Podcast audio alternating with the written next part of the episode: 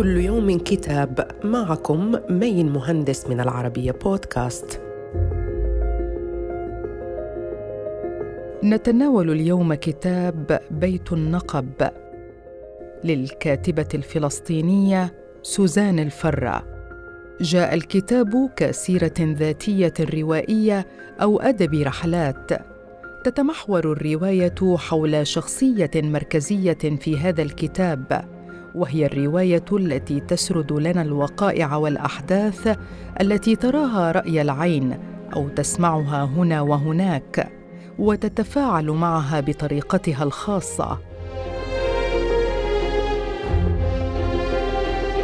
وينحصر زمان الرواية ما بين النكبة عام 1948 وحتى الوقت الحاضر.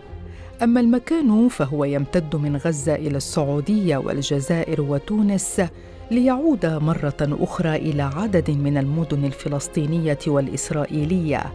فأتت الرواية بالشكل الرحلاتي الذي يقارب أفلام الطريق لكنه يغوص في التفاصيل ويستشف منها الكثير من العبر والخلاصات الحساسة التي ترصد الشيء ونقيضه. صدر الكتاب عن دار العين في القاهرة وإلى اللقاء مع كتاب جديد.